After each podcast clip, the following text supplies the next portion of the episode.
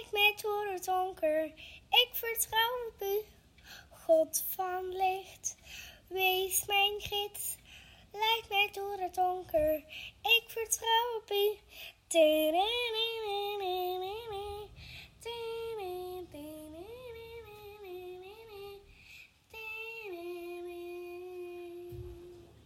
Ja, welkom en leuk dat je weer luistert naar Zout. Het kindje dat je net hoorde zingen is eigenlijk mijn zoontje van zes jaar. Die zong over God van licht, wees mijn gids, leid mij door het donker, ik vertrouw op u. Het is natuurlijk heel schattig gezongen, maar eigenlijk gaat het in deze podcast over de antichrist erover. Dat we eigenlijk alleen nog maar op God kunnen vertrouwen en niet meer op mensen in deze moeilijke tijd. Romeinen 13, vers 12 zegt dan ook: De nacht loopt ten einde en de dag nadert al.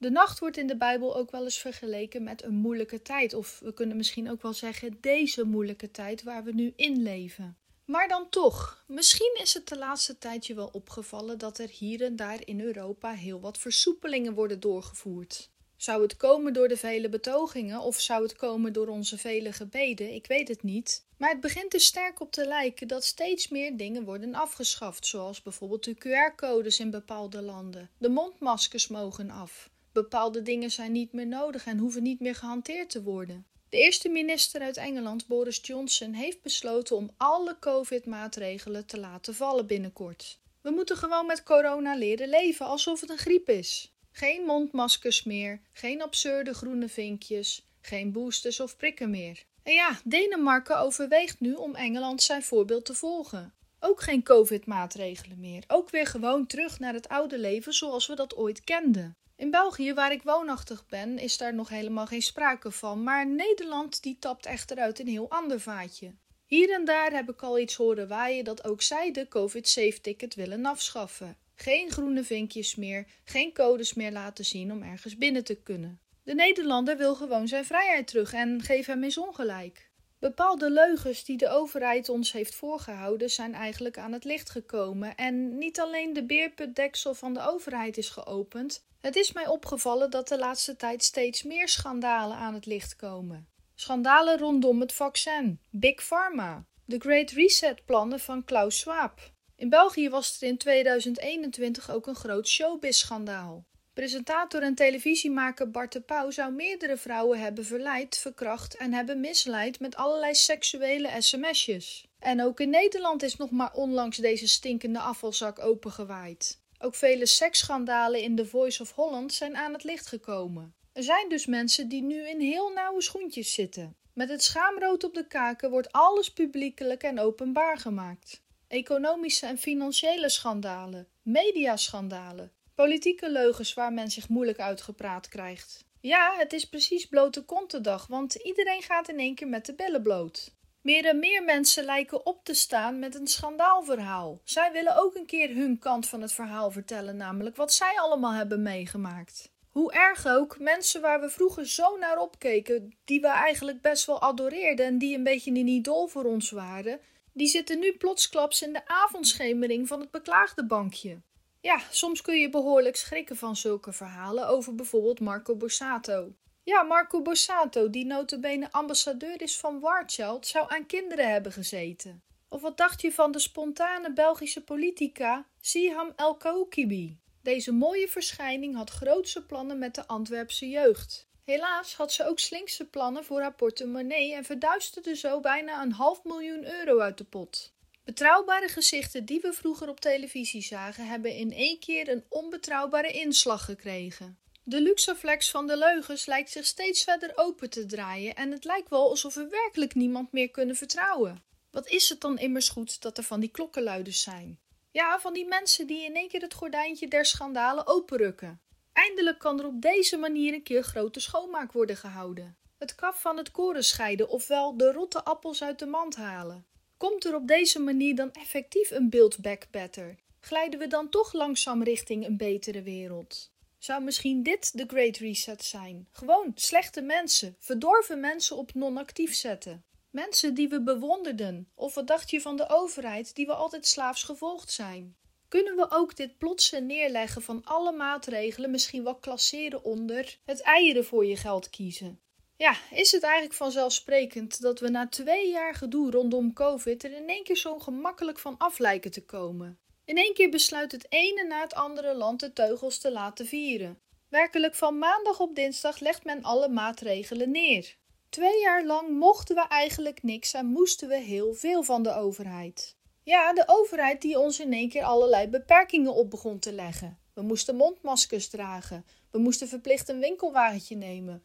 We moesten gaan winkelen op afspraak Er werden regels en bemoeienissen opgelegd over wie wij thuis mochten ontvangen en hoeveel mensen. We leefden in de zogenaamde bubbels. We hadden te maken met lockdowns. Van achter plexiglas mochten we naar oma zwaaien, maar op opa's begrafenis konden we er niet bij zijn. Het was gewoonweg verboden om met een hoop mensen samen te komen. Mensen die in de zorg werkten werden onder druk gezet om min of meer te behoud van hun job, hun baan, een prikje te gaan halen. Vele kleine zelfstandigen zijn failliet gedraaid. Door al deze opgelegde regels zijn veel mensen in financiële problemen gekomen, in emotionele en psychische problemen. Het aantal relatiebreuken en scheidingen lag nog nooit zo hoog als de afgelopen twee jaar. Idem dito voor het aantal zelfmoorden en vroeg gestorven mensen. Heroïsme, oftewel heldendaadschap, heeft een andere betekenis gekregen. Sinds 2020 hoef je geen oorlogsveteraan of brandweerman meer te zijn, geen kundige dokter of een heldhaftige politieagent, maar heb je een standbeeld verdiend als je een prik hebt gehaald.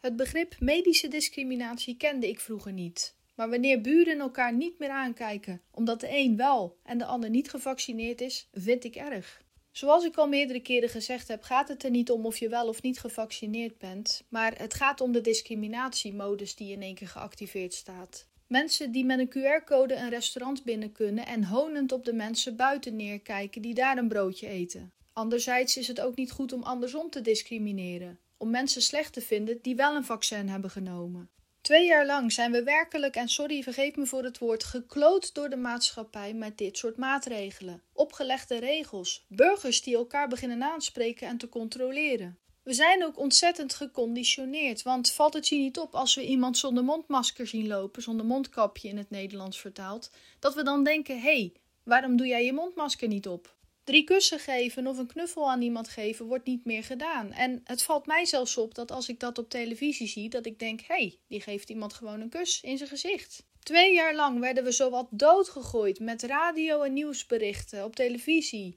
in actualiteitenprogramma's. Elke dag ging het over COVID, over corona, over de statistieken van de ziekenhuizen, over de sterftecijfers. Twee jaar lang werd er geproclameerd dat het ons niet goed zou vergaan, dat de economie slecht liep, dat er lockdowns aankwamen, dat het nog ging verergeren. Uit angst hebben mensen de verschrikkelijkste dingen ondernomen en de verschrikkelijkste dingen gedaan waar ze misschien zelf niet eens achter stonden. Maar nu, nu lijkt de COVID-deur zich toch langzaam op een kier te zetten en misschien wel te sluiten. Ja, in België en Nederland lijkt dit nog wel wat ver weg, maar in andere landen is dit al behoorlijk dicht bij de drempel. Wanneer we toch een verenigd Europa zijn, kunnen wij toch niet achterblijven. Gaat dit slechte verhaal, dit boek op een dag dan echt effectief dicht? En dat we kunnen zeggen van dit was het. Ja, zelf denk ik eerlijk gezegd van niet. Hier en daar heb ik de afgelopen tijd wat christelijke verhaaltjes horen waaien van zie je wel dat mijn gebed geholpen heeft, zie je wel dat er een einde komt aan deze woelige periode. Het geloof van deze mensen bewonder ik oprecht. Ik heb namelijk ook heel veel gebeden, ook omdat mijn zoontje het er vaak heel moeilijk mee heeft dat we niet overal naartoe kunnen gaan, want wij zijn niet gevaccineerd. Ja, heb ik ook heel veel gebeden dat dit alsjeblieft mag stoppen, deze onzin. Ik werk zelf ook in de zorg en het aantal boze gezichten van collega's, nou, die kan ik gelukkig wel op één hand tellen, maar dat is nooit aangenaam geweest, omdat zij wel gevaccineerd zijn. Zij zijn dat eigenlijk te goede trouw gaan halen, of misschien toch ook een beetje ja, onder druk van ja, doe dat nou maar gewoon, dat is goed voor iedereen. Ja, en ik dan die nooit eigenlijk bezweken is voor die druk, omdat ik dacht overal waar er druk achter zit, dat kan nooit uit liefde voortkomen. Je kunt bijvoorbeeld ook geen verkering met iemand afdwingen, want ja, ik zie je zo graag en ik hou van je en neem nou gewoon een relatie met mij. Nee, dat werkt gewoon niet. Dus alles wat onder dwang, druk of pressure eigenlijk staat, dat kan nooit uit liefde komen. Daarom heb ik dit ook nooit gedaan. Dus ja, heb ik voor de situatie gebeden? Allicht wel natuurlijk. Alleen er zijn nu ook een hoop mensen die zeggen: zie je wel dat het toch de eindtijd niet is? Zie je wel dat alles toch weer op zijn pootjes terechtkomt? Dit is gewoon even een rottige periode geweest, zoals er vele in de ja, in de toekomst nog zullen komen, maar zoals er ook veel in het verleden geweest zijn. Maar goed, de Bijbel zegt heel nadrukkelijk: let op de tekenen der tijden. En als wij nu goed naar de tekenen van de tijd kijken, dan zien wij toch dat we effectief nog steeds in die eindtijd zitten. Laat je geen zak over je hoofd trekken van oké, nu komen alle schandalen aan het licht van de overheid, van televisieland, van, van, van. Al die hoge pipo's, ze hangen in één keer, ze worden opgeknoopt aan de hoogste boom, emotioneel dan. Moest dit werk van de duivel zijn, dan gooit hij zijn eigen glazen toch niet in. Nou, wie mijn vorige podcast over demonen in een notendop geluisterd heeft, die weet ook dat de duivel geen zier om mensen geeft. De duivel beschermt zijn volgelingen en aanhangers helemaal niet, want hij geeft geen moer om ze. Ook in het verleden is het al vaak gebeurd dat mensen verschrikkelijke dingen op hun geweten hebben. Ze hebben verschrikkelijke dingen gedaan en worden uiteindelijk toch in de kraag gevat en plegen dan bijvoorbeeld in hun cel zelfmoord. Ik zal je verklappen dat de duivel niet liever heeft dan dat iemand zich van kant maakt. Deze tussen haakjes slechte mens heeft er eigenlijk heel zijn leven dat hij op aarde rondliep gebruikt voor slechte doeleinden. Dus uh, neem bijvoorbeeld Jeffrey Epstein. Deze zakenman is ontzettend rijk geweest. Ik weet eerlijk gezegd niet of hij eerlijk of op een eerlijke manier zijn geld heeft verdiend. Maar buiten dat hij een goede zakenman scheen te zijn, heeft hij er ook nog een hele rare hobby op nagehouden. Zo had hij bijvoorbeeld Epstein Island, waar hij allemaal minderjarige meisjes naartoe bracht om ze eigenlijk te laten misbruiken. Deze man had echt een lustdemon te pakken en op seksueel vlak zondigde hij zeer zwaar. Nog niet zo lang geleden zijn alle ballen aan het rollen gegaan, is deze man gearresteerd en heeft hij zich ook opgehangen in zijn cel. Deze man heeft dus een groot deel van zijn leven op aarde gezondigd, eigenlijk de meest verwerpelijke dingen gedaan, ook nog mensen daarin betrokken, hè? andere mensen geronseld, meisjes, maar ook andere misdadigers die die meisjes konden misbruiken, hoge mensen ook vaak. Die man die was helemaal niet met God bezig, die was echt bezig met de verkeerde kant. Maar wanneer hij dan gearresteerd wordt en in zijn cel zit, moet je niet denken dat die duistere machten hem ook een soort van comfort bieden en beschermen en hem uit zijn situatie helpen. Nee, de demonie in zijn kop maakt hem werkelijk zo gek dat hij ertoe komt om zich op te hangen in zijn cel. Een ziel die eigenlijk regelrecht naar de hel gaat op dat moment, die voorgoed verloren is. En de duivel, die trekt de champagnefles open. Jeffrey Epstein is niet meer te redden, hij is voorgoed van hem. Nee, de duivel geeft geen malle moer om alle schandalen die één voor één uitkomen. Jezus zijn komst staat vast, staat in de Bijbel, al weet Jezus zelf niet wanneer de dag nog het uur zal zijn. Maar de duivel weet ook dat hij nog weinig tijd heeft. Laten we dan ook heel goed beseffen dat ook als deze COVID-crisis voorbij zal gaan, dat het vertrouwen in de overheid volledig weg is voor veel mensen. De overheid heeft tenslotte de eindverantwoordelijkheid over heel wat dingen die mis zijn gelopen. Het vertrouwen is enorm beschadigd in deze mensen, maar ze zitten er nog steeds. Iedereen van in het begin van de COVID-crisis zit nog steeds op zijn zetel. Mark Rutte van Nederland en Alexander de Croo van België zijn nog steeds premier. Deze mensen zijn vertrouwenswaardig verbrand. Hoe moet het dan in hemelsnaam verder met deze landen? Vele enquêtes wezen de laatste tijd uit dat mensen het vertrouwen in hun land kwijt zijn geraakt. Daarbij komstig ook nog eens het vertrouwen in medialand. Al die schandalen van televisie en fake news dat de kranten weergeven. Vele televisiezenders en dagbladen zijn gewoon omgekocht. Zijn eigendom van de overheid. Een coronabeleid gewoonweg neerleggen is niet voldoende om het land terug op te bouwen. Om Europa en heel de wereld terug op te bouwen. Want gek genoeg heeft iedereen op de wereld wel zo'n overheid die hij niet meer vertrouwt. En dan, dan is er die man die opstaat. Een man van harde aanblik, maar een man die een leider is. Een man die met een nieuw slogan komt, met een nieuw motto. Een man die niet zoveel praat, maar wel veel luistert. Die wel oor heeft voor de burger, voor de kleine zelfstandigen en de boeren. Een weldoener die veel geld steekt in projecten die mensen belangrijk vinden. Die helpt recupereren en heropstarten. Zo'n man die een beetje geld schenkt, niet om een huisje te kopen, maar meteen een hele grote villa neer te zetten. Zo'n man die in één keer een schenking doet voor alles wat je is afgenomen de afgelopen jaren. Met zijn verlossende karakter is dit de mens waar we zo lang op gewacht hebben. Eindelijk de man die opstaat. Een man met intellect die verstand heeft en kijk heeft op zaken. Op militair gebied, op economisch vlak, maar ook gewoon Jan in de straat aan het woord laat. Hij wordt onze nieuwe Messias. Ja, als je dit zo hoort, denk je dat is inderdaad een man waar wij op zitten te wachten. Een man die onze landen weer helemaal terug heropbouwt en eindelijk eens luistert naar wat de burger, de gewone man in de straat te vertellen heeft. Geen stadhuistaal, niet allemaal politiek geleuter, maar gewoon duidelijke taal. Een man die geliefd zal zijn onder het volk. Een man die niet een hoop prietpraat verkoopt, maar zijn beloften ook nakomt.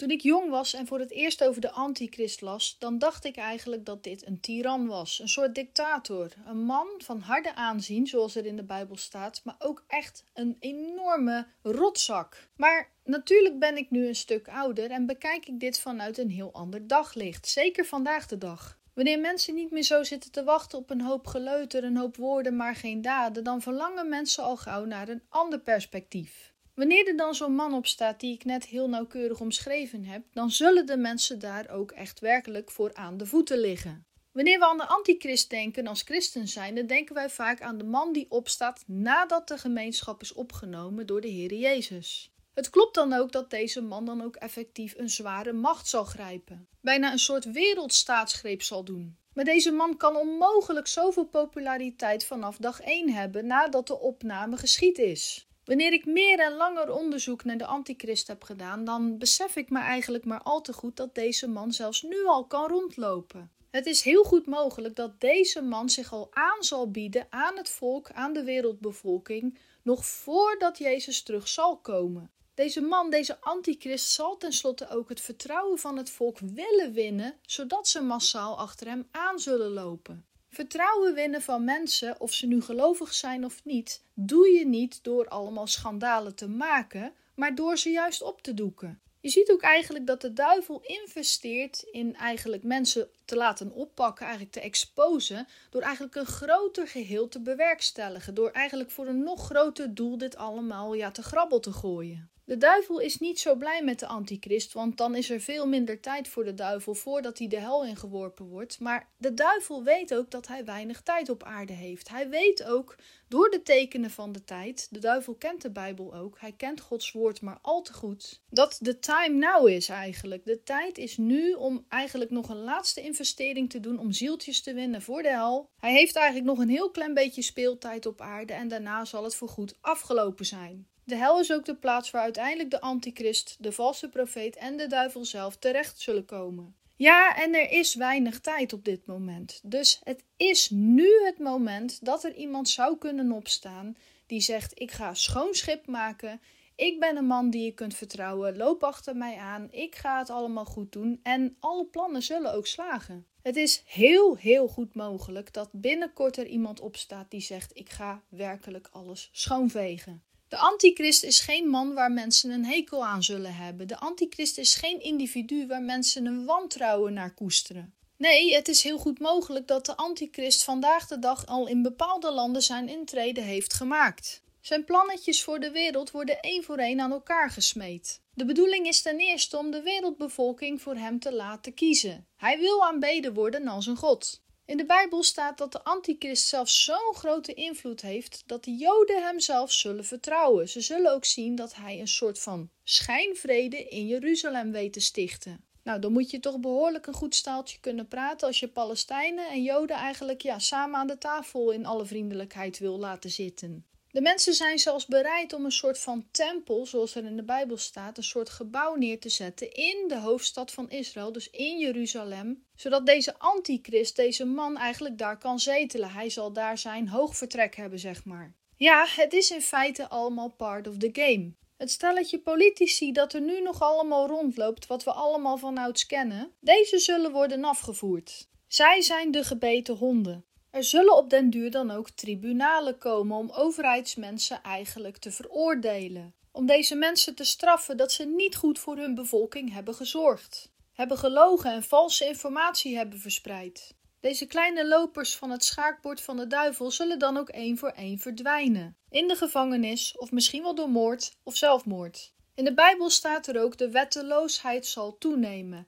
Nou, wanneer we aan wetteloosheid denken, dan denken we vaak aan mensen die ja, rebels zijn, mensen die dingen vernielen, mensen die spugen op de politie. Maar wat we de laatste tijd ook heel veel zien, is dat mensen de regels niet langer meer hanteren rondom bijvoorbeeld die COVID-maatregelen. Dat zien we eigenlijk nu al, dat mensen wetteloos worden. Ze gaan toch gaan demonstreren, ze gaan zonder mondmaskers de winkel in. Ze pikken het niet meer, ze steken hun vingers op. Het kan hun allemaal niet zoveel meer schelen.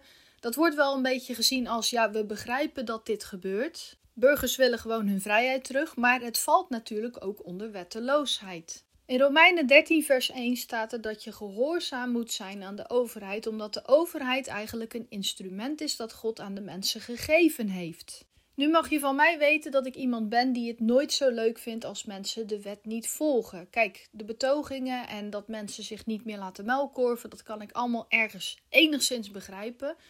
Maar echte wetteloosheid, dus moedwillig te hard rijden, uh, dingen kapot maken, zoals straatmeubilair, vuilnisbakken in de fik steken, dat soort dingen vind ik stomweg gewoon verwerpelijk. Ik heb ook altijd gezegd dat Romeinen 13 vers 1 heel belangrijk is. Dat we toch ergens de wet blijven opvolgen, omdat wij nou eenmaal ook wetten moeten naleven van de Heer. Je doet de Heer hier ook een plezier mee. Moeten we echter overal blinde gehoorzaamheid aan geven? Nee, natuurlijk niet als dit indruist tegen Gods eigen geboden. In de Tweede Wereldoorlog was het ook een gegeven dat je Joden moest gaan aangeven als je wist dat er ergens verstopt zaten. Nou, heel veel mensen hebben zich dus niet aan dat gebod gehouden van hey, we gaan eventjes Joden aangeven omdat we weten dat er daar en daar verscholen zitten.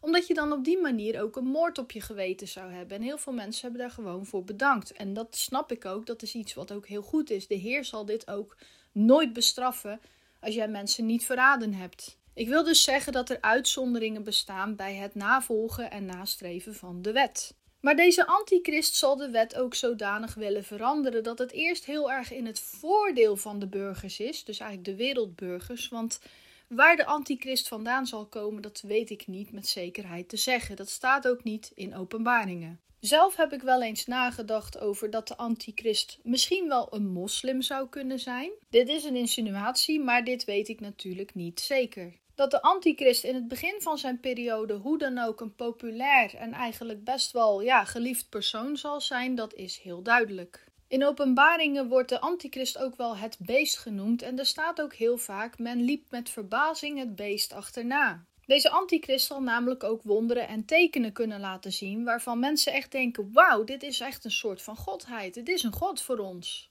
Dat mensen ook massaal het teken van het beest zullen aannemen, dat wijst ook enorm op het vertrouwen dat er gesteld wordt op dat beest, op die antichrist. Kijk, ook als je nu al ziet met het grootste gemak van de wereld dat mensen zo even een vaccin gaan halen. En begrijp me niet verkeerd, als je dit echt te goede trouw gehaald hebt en je staat hier 100% achter, dan is dit oké als je dit gehaald hebt. Als je daar zelf achter staat, dan moet je dat helemaal zelf weten. Maar ik spreek over de mensen die eigenlijk ja, toch heel volgzaam dat allemaal zijn gaan halen en daar zelfs over hebben opgeschept. In de tijd dat het teken van het beest gehaald moet worden, is eigenlijk ja, Jezus, Gods gemeenschap al opgenomen. Wij zullen dit niet meer meemaken. De achterblijvers, dus de niet-gelovige mensen, zal ik maar zeggen, die zullen dan ook met het grootste gemak van de wereld, zoals ik net zei, dat tekentje even gaan halen op je rechterhand of op je voorhoofd. Zonder dit teken kun je niet kopen of verkopen, niet handelen of verhandelen. Dit slaat dus ook op de economie. Ja, en dat deze antichrist daar verstand van heeft, dat blijkt wel duidelijk. Deze antichrist wil graag één betaalmiddel, hij wil één godsdienst en hij wil eigenlijk dat iedereen een citizen of the world wordt. Dus eigenlijk wil hij geen landen meer, niet Duitsland, Nederland, Frankrijk, België. Nee, alles moet één worden. Iedereen moet een citizen of the world worden. Ja, maar hoe kan dit? Je kunt toch niet zomaar alle landen reuniting. Je kunt toch niet allemaal landen tezamen brengen? Dat gaat toch niet zo? Maar landen hebben toch allemaal een eigen taal en een eigen cultuur? Nou ja, als iedereen eigenlijk terechtgesteld wordt van de overheid die niet deugt, dan hou je op den duur geen overheid, geen politiek meer over. In openbaringen staat er ook dat er koninkrijken zullen sneuvelen. Er zullen koninkrijken verdwijnen en er zal ook een nieuw koninkrijk weer opstaan. Herreizen als het ware. Wanneer bepaalde landen echt niet deugen en zelfs de koning eigenlijk uitgeschakeld wordt van, nou gast, je deugt niet, ga maar weg, ga maar naar de gevangenis of, nou ja, bol het af hier, dan zal vermoedelijk deze monarchie ook sneuvelen. En het is all part of the game. Het is allemaal happening. Kijk om je heen, het is happening. Terwijl ik nu dit inspreek, zullen er ook nog schandalen uit de kast rollen. Oude lijken zullen uit de kast zichtbaar worden.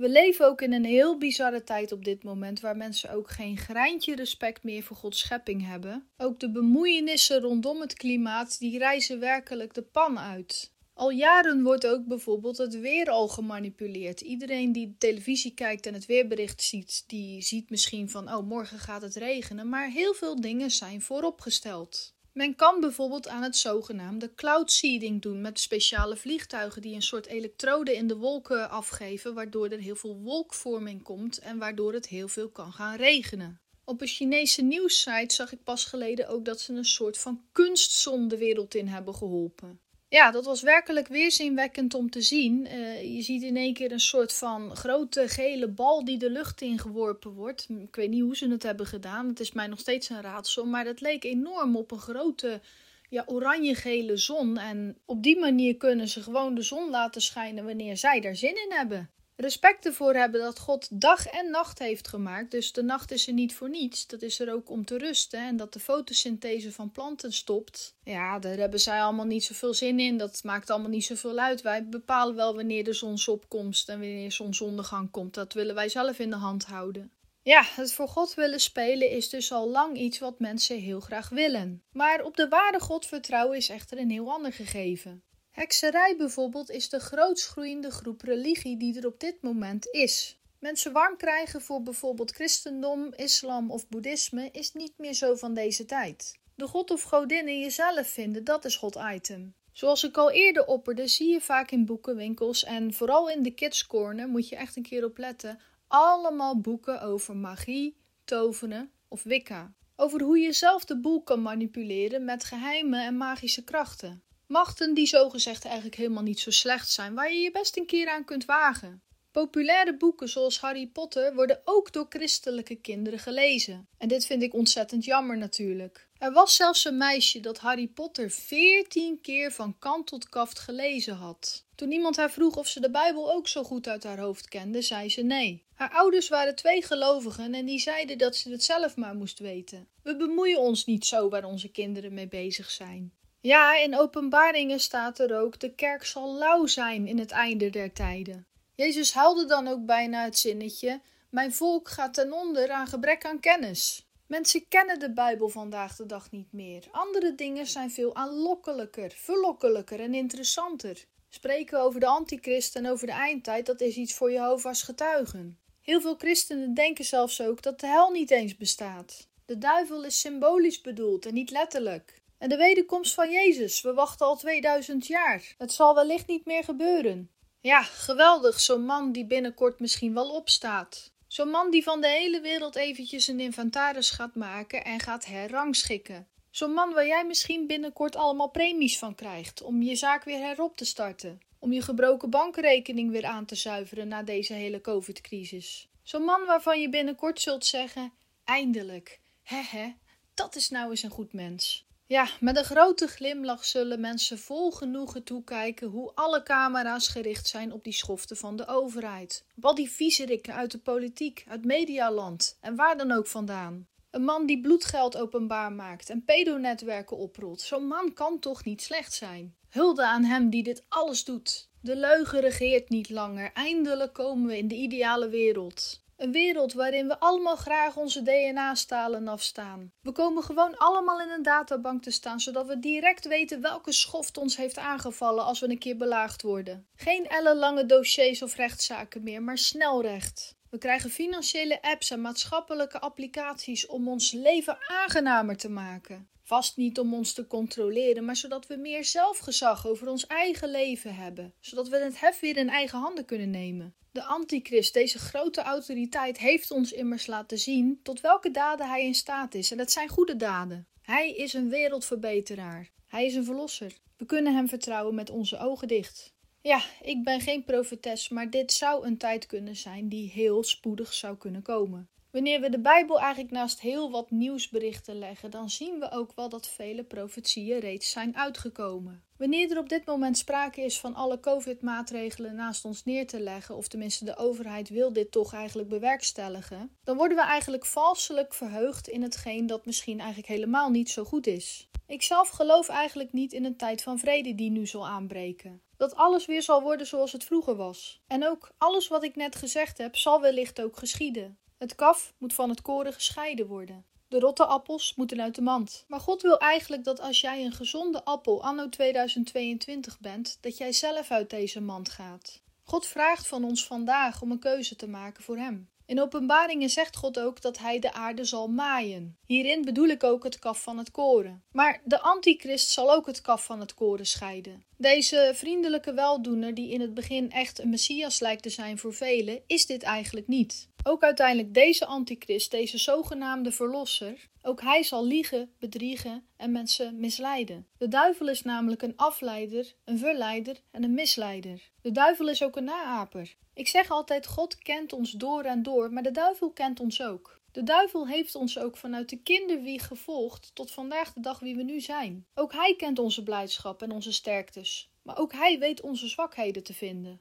De naam Jezus betekent redder. Jezus is naar de aarde gezonden om eigenlijk een brug te maken tussen de zonde en de vergeving naar God toe. Jezus is de overstap waar je overheen kunt om tot God de Vader te komen. Niemand komt immers tot de Vader dan door mij, staat er in de Bijbel. Wie Jezus zijn grote en echt immens grote offer van zijn kruisiging, zijn bloed, zijn gruwelijke dood aanneemt als offer, zo iemand zal behouden zijn. Wie Jezus aanneemt als zijn of haar Heer, die zal gered zijn. Maar de antichrist is een ander verhaal. Hij is in de wereld, letterlijk in de wereld geroepen, om een valse messias te zijn. Voor zij die de ware liefde hebben afgewezen. Natuurlijk heb je altijd twijfelaars, mensen die het niet zeker weten en geloven dat er wel iets is tussen haakjes. Maar er zijn ook zoveel mensen die het geloof regelrecht afzweren. Ik hoef God niet. Ik hoef Jezus niet. Ik heb hem niet nodig. Nee, dit soort mensen geloven in zichzelf. Ze zoeken de god of de godin namelijk in zichzelf. Maar ja, een mens is niet gemaakt om alleen te handelen en is niet intellectueel op zichzelf. Wanneer dan het wijzere brein de antichrist de wereld inkomt, dan zullen zij hem eigenlijk volgzaam achterna lopen. Ja, want in openbaringen staat namelijk en de menigte liep met verbazing het beest achterna. De mensen die zogezegd de god of godin in zichzelf zijn gaan zoeken, lopen nu de antichrist achterna. Hij is de man die onze god nu is. De wereld heeft namelijk de liefde, de ware, de echte, de pure liefde van God afgewezen. God heeft dan ook zoiets gehad. Wie wil geloven in de leugen, die loopt deze dan maar achterna. Vol verbazing uiteraard. Ja, het zullen waarschijnlijk nog veel mensen zijn die deze antichrist als een god zullen aanbidden. Op mijn afdeling van het werk ben ik de enige die gelooft. Er zijn wel eens momenten dat ik met ons team samen zit en dat ik denk: als Jezus nu terugkomt, dan gaat iedereen flink schrikken als mijn kleren hier in één keer op de stoel liggen. Als ik in één keer weg ben. Ik heb eigenlijk iedere dag mijn tas met mijn Bijbel mee. Nee, niet om voor te lezen uit de Bijbel en ook niet om mensen het evangelie op te dringen, maar ik vraag me wel eens af wat het zou geven, moest ik plotsklaps verdwijnen door Jezus' wederkomst. Wanneer ik in één keer op het werk vermist zou zijn, neem ik aan dat mensen mijn tas zullen doorspitten. Wanneer er dan een Bijbel in ligt als stille getuige van wie ik was, zullen ze hopelijk deze misschien toch lezen. Dat is eigenlijk de enige reden waarom ik altijd en iedere dag mijn Bijbel meeneem. Het is ook misschien best hard om te beseffen dat God eigenlijk de antichrist op de wereld laat regeren, om eigenlijk aan mensen te laten zien wil je de leugen geloven? Geloof deze dan.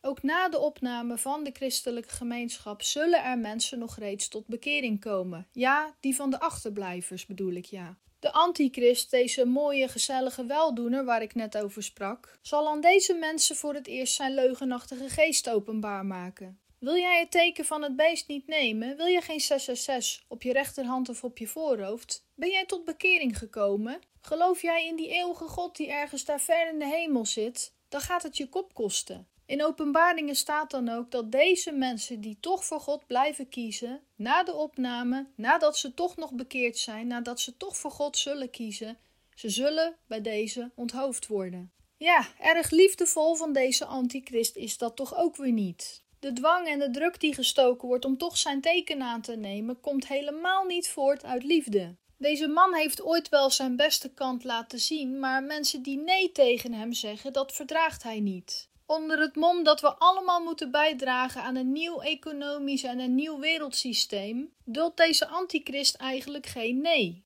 Deze nieuwe wereldleider moet immers strak georganiseerd blijven en de touwtjes in handen blijven houden, een controlebewind uit blijven voeren. Deze taak heeft hij met beide handen namelijk aangegrepen toen er miljoenen mensen en alle kinderen van de wereld verdwenen. Dit voorval zorgde namelijk voor heel veel stress en heel veel paniek onder de wereldbevolking. Toen deze goede man zich dan ook aanbood om een nieuwe wereldorganisator te worden, hebben mensen dan ook volmondig ja tegen hem gezegd. En ja, blijf je zeggen tegen hem. Want langzaam maar zeker valt ook zijn masker geleidelijk af. Opnieuw hebben we te maken met een leugenaar, een misleider, een afleider en een grote dictator. Zijn naam is de Antichrist. Je weet wel, die man die we ooit aanbaden en prezen om zijn goede daden, dat hij mensen achter de tralies kreeg die niet deugden. Deze man die ons financieel er weer bovenop heeft geholpen. Deze man belooft om een nieuwe en betere wereld neer te zetten voor ons. Deze man blijkt een bedrieger te zijn. Deze man werkt met een duivels systeem. Deze man zal ervoor zorgen dat er vele mensen die alsnog voor Jezus kiezen, ter dood veroordeeld zullen worden. Deze man kan eigenlijk niet echt iets voor ons doen. Deze man is werkelijk een beest.